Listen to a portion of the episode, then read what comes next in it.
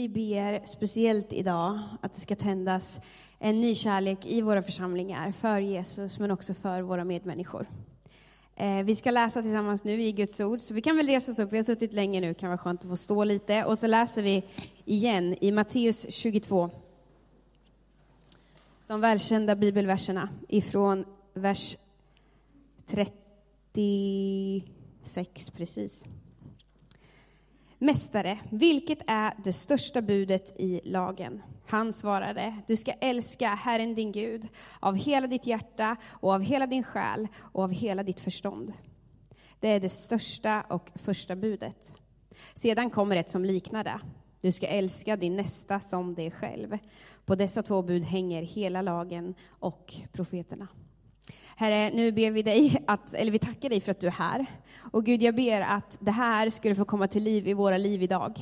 Gud, gör ditt ord levande för oss och jag ber att det här nu inte ska få handla om vad jag vill säga, utan vad du vill tala till våra liv idag. Tack att du ser var en som, som har kommit hit idag, vad vi bär i våra liv. Vi får komma precis som vi är till dig, Herre. Eh, välsigna den här stunden och kom och verka med din Ande, öppna våra hjärtan, öppna våra ögon för vad du vill göra. I ditt underbara namn så ber vi. Amen. Det som händer i, ja precis, varsågoda och sitt, ni behöver inte stå hela tiden. Det som händer i den här eh, liksom, händelsen som vi läser i Bibeln, det är att fariseerna kommer till Jesus. Fariseerna, de hade tagit det som liksom sin uppgift att tolka lagen rätt. Det såg de som sin viktigaste uppgift. Eh, och sen att se till så att alla andra gjorde så som de tyckte att man skulle tolka lagen. Och sen så kom de ofta till Jesus och försökte liksom sätta dit Jesus. Sådär. Och det är så häftigt att se, för Jesus har alltid svar på tal. De, det är som att de står så här i en liten grupp och tänker att om vi ställer den här frågan, då kommer han inte kunna svara. Kom nu grabbar, nu kör vi. Det var bara grabbar då. Eh, så går de till Jesus och så bara, vilket är det största budet i lagen nu då? Mm, mm. Och Jesus har alltid svar på tal. Han var ja, du ska älska Herren din Gud och din nästa som dig själv. Och så säger han, på dessa två bud hänger hela lagen och profeterna. Det är som att han säger till dem så här att allt det där som ni försöker tolka och som ni försöker se till att andra, andra människor ska följa så här regelrätt, det sammanfattas i det här budet. Om vi ska banta ner hela gamla testamentet till två korta meningar, eller en mening, så är det älska Herren din Gud och din nästa som dig själv. Och de, han tar ju i Jesus också. Han säger så här, du ska älska Herren din Gud av hela ditt hjärta, av hela din själ, av hela ditt förstånd. Det är inte bara med min fysiska varelse, det är inte bara med mina känslor, det är inte bara med mitt förstånd, utan alltihopa. Hela min varelse ska älska Herren min Gud. Och sen också min nästa som dig själv. Då känner jag så här, hur gör man det? Hur älskar man Jesus så mycket? Hur älskar man Gud så mycket? Och det häftiga är att det börjar med att Gud först har älskat oss. Ja, här säger Jesus att vi ska älska Gud. Men det är för att Gud har gett oss möjligheten att älska honom. Det står så här i första Johannes 4 och 19. Vi älskar därför att han först har älskat oss. Det är det som Gud först har gjort till oss som ger oss möjligheten att ens välja om vi vill älska honom eller inte. Och jag tror att vi behöver fatta lite på vilket sätt Gud faktiskt älskar oss för att sen kunna ge respons på den kärleken tillbaka till honom. I grekiskan som Nya Testamentet är skrivet på så finns det inte bara ett ord för kärlek. Vi har bara ett ord i svenskan, men i grekiskan så finns det tre som, det finns fler än tre ord, men tre som används ganska mycket i Nya Testamentet. Och då är det först filios, Eh, ett ord för kärlek. Och det står för den broderliga kärleken, den kärleken som vi liksom känner till varandra, som vi har i familjer, mot vänner och så vidare.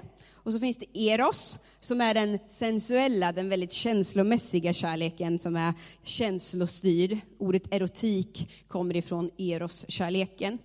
Men den kärleken som eh, Jesus pratar om här i hur vi ska älska, älska varandra och älska Herren, det är agape-kärleken. Många av er kanske har hört det ordet förut, agape. Det finns olika kristna rörelser och sammanhang som är döpta utifrån liksom det ordet, agape. Det är med den kärleken som Gud själv är och som vi ska älska honom och älska varandra I första Johannes 4 och 8 så står det till och med så här att Gud är kärlek. Gud är agape. Det är han som är kärleken i sig själv personifierad. Och då slog jag upp det här ordet agape i min, jag har en så här eh, grekisk grundtextlexikon hemma. Det är väldigt intressant. Det finns jättebra sådana på nätet också om man vill. Eh, om, ibland kan, kan man få så mycket större förståelse för en, för en text om man slår upp det lite grann. Då slog jag upp agape i alla fall. Är ni med mig? Ibland pratar jag fort, jag vet. Eh, agape, då stod det så här. Agape är den oförtjänade, nådefulla och uppoffrande kärleken. Agape är ett val, en medveten vilja att sträva efter andras bästa som demonstreras genom handling. Gud sätter standarden för agape genom att sända Jesus att dö för oss medan vi ännu var syndare. Agape, den kärleken som, som Jesus talar om här, den är självuppoffrande. Den söker inte sitt eget, den ser andras bästa. Det är ett medvetet val. Där man väljer att lägga sitt eget åt sidan för att sträva efter någon annans bästa. Och Gud på något sätt bara demonstrerar det här med det yttersta, tydligaste exemplet när han väljer att sända sin egen son, Jesus Kristus, hit till jorden för våran skull. I Romarbrevet 5 och 8 så står det så här, Gud bevisar sin kärlek till oss genom att Kristus dog för oss medan vi ännu var syndare. Gud är inte bara en Gud som snackar om, jag är kärlek. Jag kan göra det här och jag är sån här och sån här är jag. Utan han bevisar också sin kärlek genom att sända Jesus hit till jorden för våran skull. Och det gjorde ju att vi kan få komma till Gud precis som vi är. Han har alltid älskat oss först, innan vi förtjänade det. Han står alltid där med sina utsträckta armar och säger, jag älskar er, jag har gett er den möjligheten. Jag älskar er med agape-kärlek. Det betyder att det var ett medvetet val Gud gjorde för din och min skull. För att vi skulle få chansen att ge respons på den kärleken som han har för dig och mig. Agape-kärleken är trofast. Den är uppoffrande. Och den handlar om att ge någonting utan att förvänta sig någonting tillbaka. Och jag tycker det här är så häftigt att Jesus kom till jorden, valde att dö för din och min skull, fast han visste att alla inte skulle välja honom. Men han valde att göra det i alla fall. Tänk att Jesus när han hängde på korset visste att jag bär mänsklighetens synd i min kropp just nu. Just nu så ger jag alla chansen att få komma till Gud. Att få komma till den sanna kärleken själv. Men alla kommer inte att välja det. Men ändå så gjorde han det. Är ni med? Det här är så stort. Så mycket älskar Gud dig och mig. Och den, den kärleken kan vi få ge respons på i att säga att vi vill älska honom på samma sätt. Gud har valt att älska oss. Jag tycker det är häftigt. Det var ett medvetet val Gud gjorde. Och jag kan tycka att det är uppmuntrande och häftigt att vi kan läsa i, eh, i Lukas eh, 22, när Jesus är i Getsemane, dagen innan han ska dö för mänskligheten. Så gör han ett väldigt medvetet val. Vet ni att Jesus själv då ber att få slippa dö? Det är som att alla känslor i honom säger någonting annat. Det står att Jesus har svår ångest, ja det kan jag tänka mig. Och så ber han till Gud, Fader, om det finns en annan väg, om det finns ett annat sätt för mänskligheten att få komma till dig igen, så låt det ske. Men om inte, så sker din vilja. Han ber att få slippa. För alla hans känslor säger någonting annat. Men han väljer ändå att gå hela vägen. Det var ett mycket medvetet val, skulle jag vilja säga. Som Jesus gör i kärlek, som inte var baserat på känslor. Och det är det som är agape. Och därför så kan du och jag få älska Gud. För att det han har gjort för dig och mig, det är det största som någonsin har hänt. Och vi kan få ge respons på den kärleken. Älska Herren din Gud och din nästa som dig själv. Att älska sin nästa som sig själv. Då kanske man tänker så här, bara, men jag älskar ju inte mig själv. Då är det svårt att älska någon annan. Jag tror att när vi får komma till Gud och uppleva hans kärlek, då får vi se hur han ser på oss. Och då kan vi älska oss själva så som Gud älskar oss. Gud vill att vi ska älska oss själva. Det handlar inte om att vara stolt eller att skryta. Men jag tror inte man mår bra av att hela tiden gå runt och trycka ner sig själv. Ifrågasätta sig själv, tycka att man är dålig. Det som är så gött är att när vi kommer till Gud så behöver vi aldrig vara perfekta, för att han är det. Gud har aldrig sagt till dig och mig, du måste vara perfekt. Utan han säger, jag är perfekt, därför behöver du inte vara det. Det är härligt. Och därför kan jag få komma precis som jag är till Gud. Jag kan få se mig själv i hans ögon och därigenom älska mig själv så som han älskar mig. Försöker göra det i alla fall. Jag tror aldrig du och jag riktigt kan älska oss själva som Gud älskar oss. Men vi kan få formas av hans kärlek när vi kommer till honom. Och genom det så kan vi sen också få älska andra människor som oss själva. Och man kan ju fundera på så här, vem är min nästa då? Älska din nästa som dig själv, sa Jesus. Vem är min nästa? Och jag tycker Jesus är lite jobbig ibland för att han tar ju i så. Han tar ju i något fruktansvärt. Jesus säger inte bara så här, ja men älska din familj och dina grannar är väl bra om du har bra relation med och liksom, dina klasskompisar, det är ju bra om ni inte är osams i alla fall. Liksom, utan Jesus säger, du ska älska alla människor. Alla människor, säger Jesus, är min nästa. Absolut de som lever nära mig, men också de som är långt ifrån mig. Jesus säger att främlingen är min nästa. Han säger till och med att jag ska be för dem som hatar mig och förföljer mig. Han tar i så. Ibland så säger människor att man har svårt med de här bibelorden som man inte riktigt förstår. Jag har svårare med dem som jag förstår. Det här är ett sånt där bibelord som jag tycker är ganska jobbigt. För det finns inte rum för så mycket tolkning här. Jesus säger, älska Herren din Gud och din nästa som dig själv. Jaha. Det är här jag tycker att det blir svårt många gånger. För att jag känner att jag är inte riktigt där. Jag önskar att jag skulle älska mera. Och jag tror att vi alla har, har någonting att jobba på här. När det gäller att älska vår nästa som oss själva. Och det ordet som Jesus här igen använder, det är det här ordet agape. Han hade ju kunnat säga älska varandra med den här filios-kärleken, som är den broderliga kärleken, som är liksom den som finns naturligt mellan människor. Men det säger han inte, utan han säger ni ska älska varandra med agape.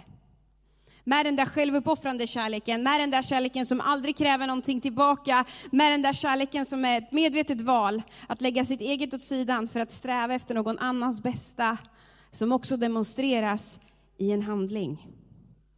Det är med den kärleken du och jag ska älska vår nästa.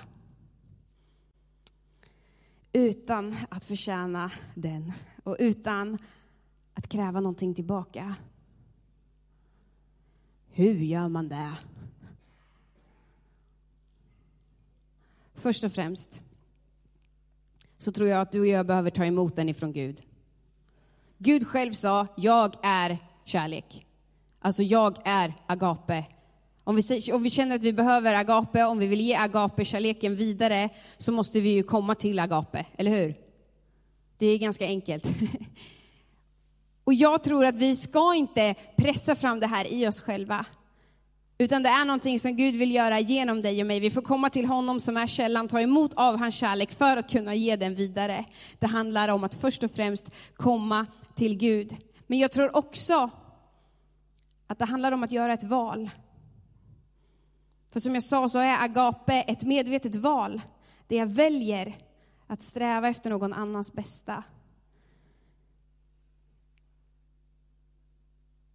Ibland måste du och jag bestämma oss för att älska andra som oss själva.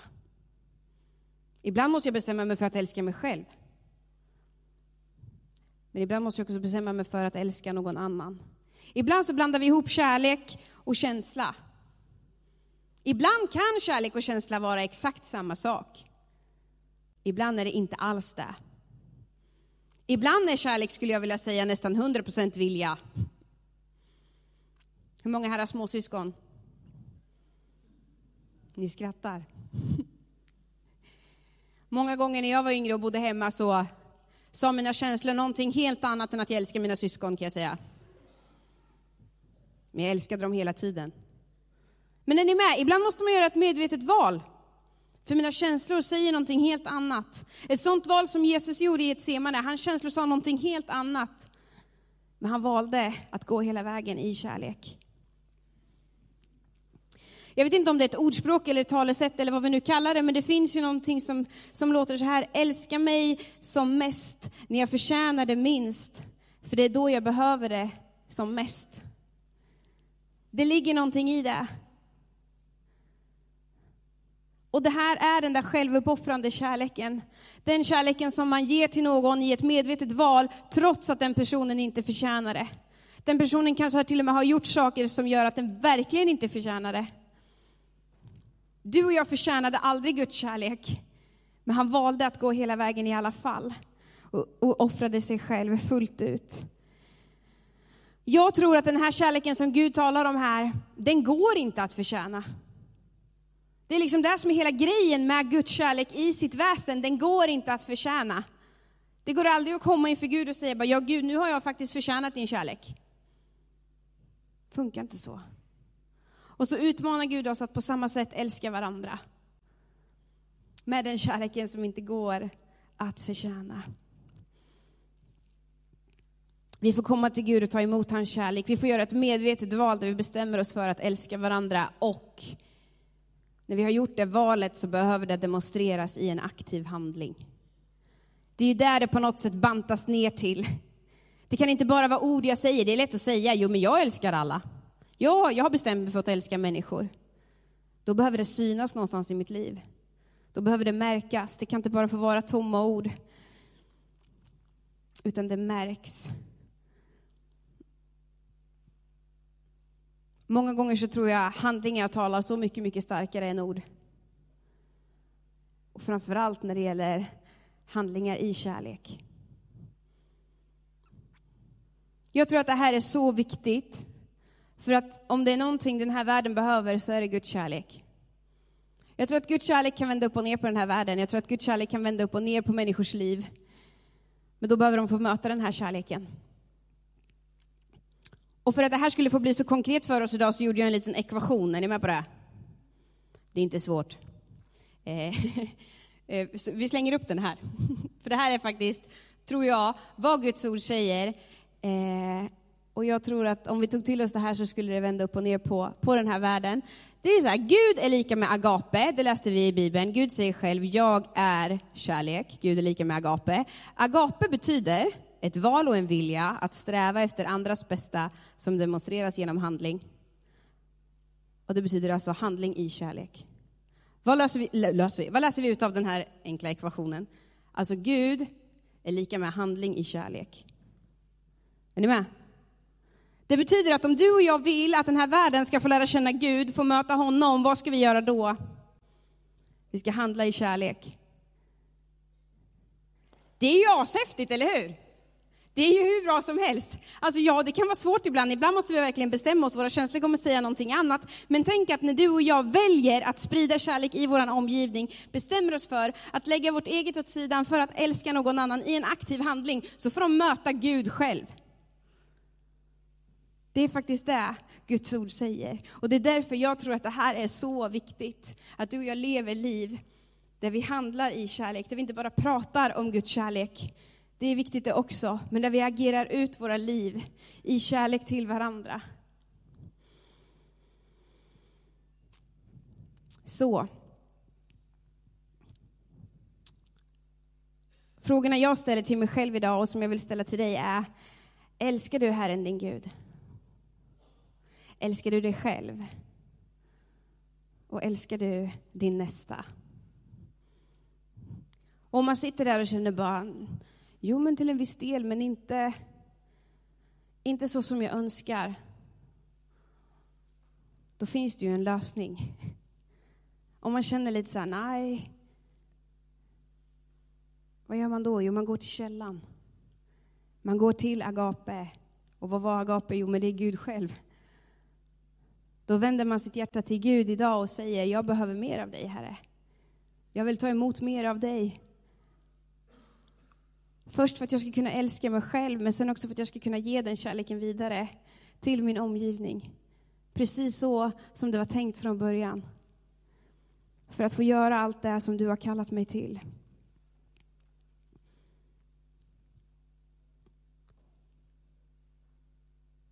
Jag tycker inte alltid att det är enkelt att leva ett liv för andra. Jag tycker att det är svårt i ett land där vi väldigt, väldigt högt värdesätter individen. Jag tror inte att det finns något annat land i världen som, som i sådana här mätningar där man typ så här, man värderar, man mäter värderingar och vi ligger ju liksom längst ut på, på skalan i hur högt vi värdesätter individualism. Jag, mig och mitt är viktigast. Jag tror att det här påverkar oss i kyrkan. Och jag tror ibland att vi behöver utmana oss själva och kanske våga vara lite tuffa, våga vara lite hårda mot oss själva och bara okej, okay, men är jag verkligen där jag borde vara? Lever jag ett liv i kärlek? Eller handlar allting i mitt liv om jag, mig och mitt? Våga tänka den tanken idag, våga utmana dig själv och ställa de tuffa frågorna. Jag kommer liksom inte kräva det av dig, men ställ de frågorna till dig själv. Kanske är det så att du idag behöver börja omprioritera.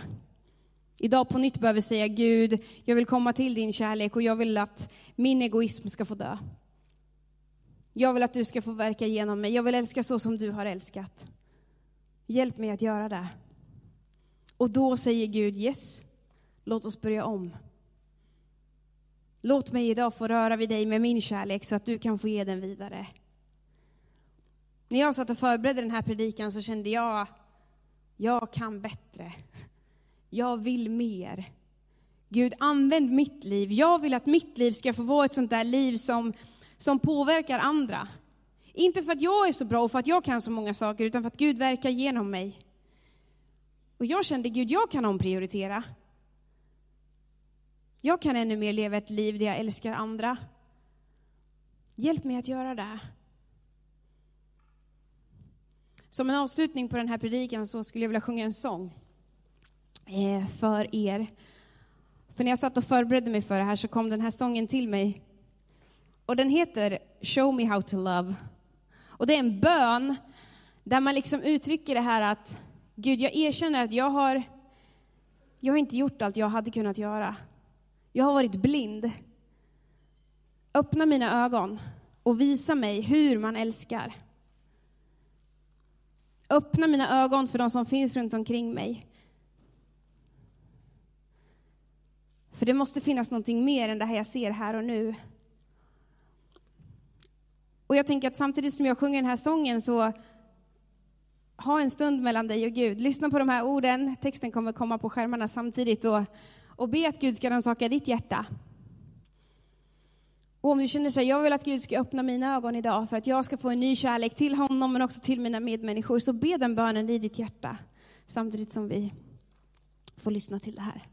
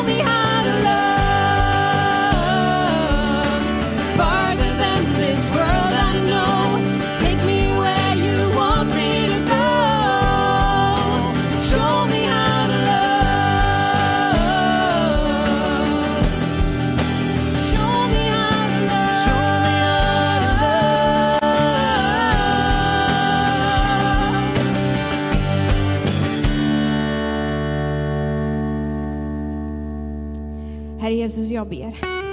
Gud, jag ber att det här inte bara ska få bli ord som, som vi säger, utan Gud, jag ber att du nu skulle forma våra hjärtan, Herre Jesus. Du ser oss var och en, du ser vad vi känner i våra hjärtan. Gud, du ser dem som, som vill stämma in i de här orden som jag precis har sjungit ut. Att Gud, öppna våra hjärtan, öppna våra ögon, hjälp oss att se, först och främst dig. Se dig, du som är kärleken själv, du som är agape, Herre. Vi vill ta emot mer av dig. Men inte för att den kärleken ska stanna i oss, utan för att vi ska kunna ge den vidare till en värld som behöver den kärleken, Herre Jesus.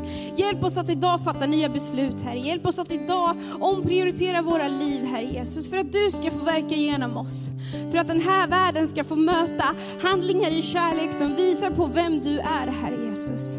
Nu ger vi fortsättningen av det här mötet till dig och säger kom och verka, kom och rör vid oss, kom och möt oss med din kärlek, Herre Jesus. I Jesu namn. Du har lyssnat till en predikan i Pingstkyrkan i Eskilstuna. Om du vill höra den igen eller höra andra predikningar eller se, då finns vi på TV Eskilstuna och vi finns på Youtube där du hittar oss under eh, Pingstkyrkan Eskilstuna. Du kan också klicka på prenumeration om du vill veta när nya predikningar läggs ut. Alla är välkomna hit. Du är varmt välkommen att eh, kontakta oss eller besöka ett av våra möten eller kyrkan. Eh, du kan också ringa till oss eller skriva på vår mailadress om du eh, har en fråga eller om du önskar att vi ska be för dig eller för en situation.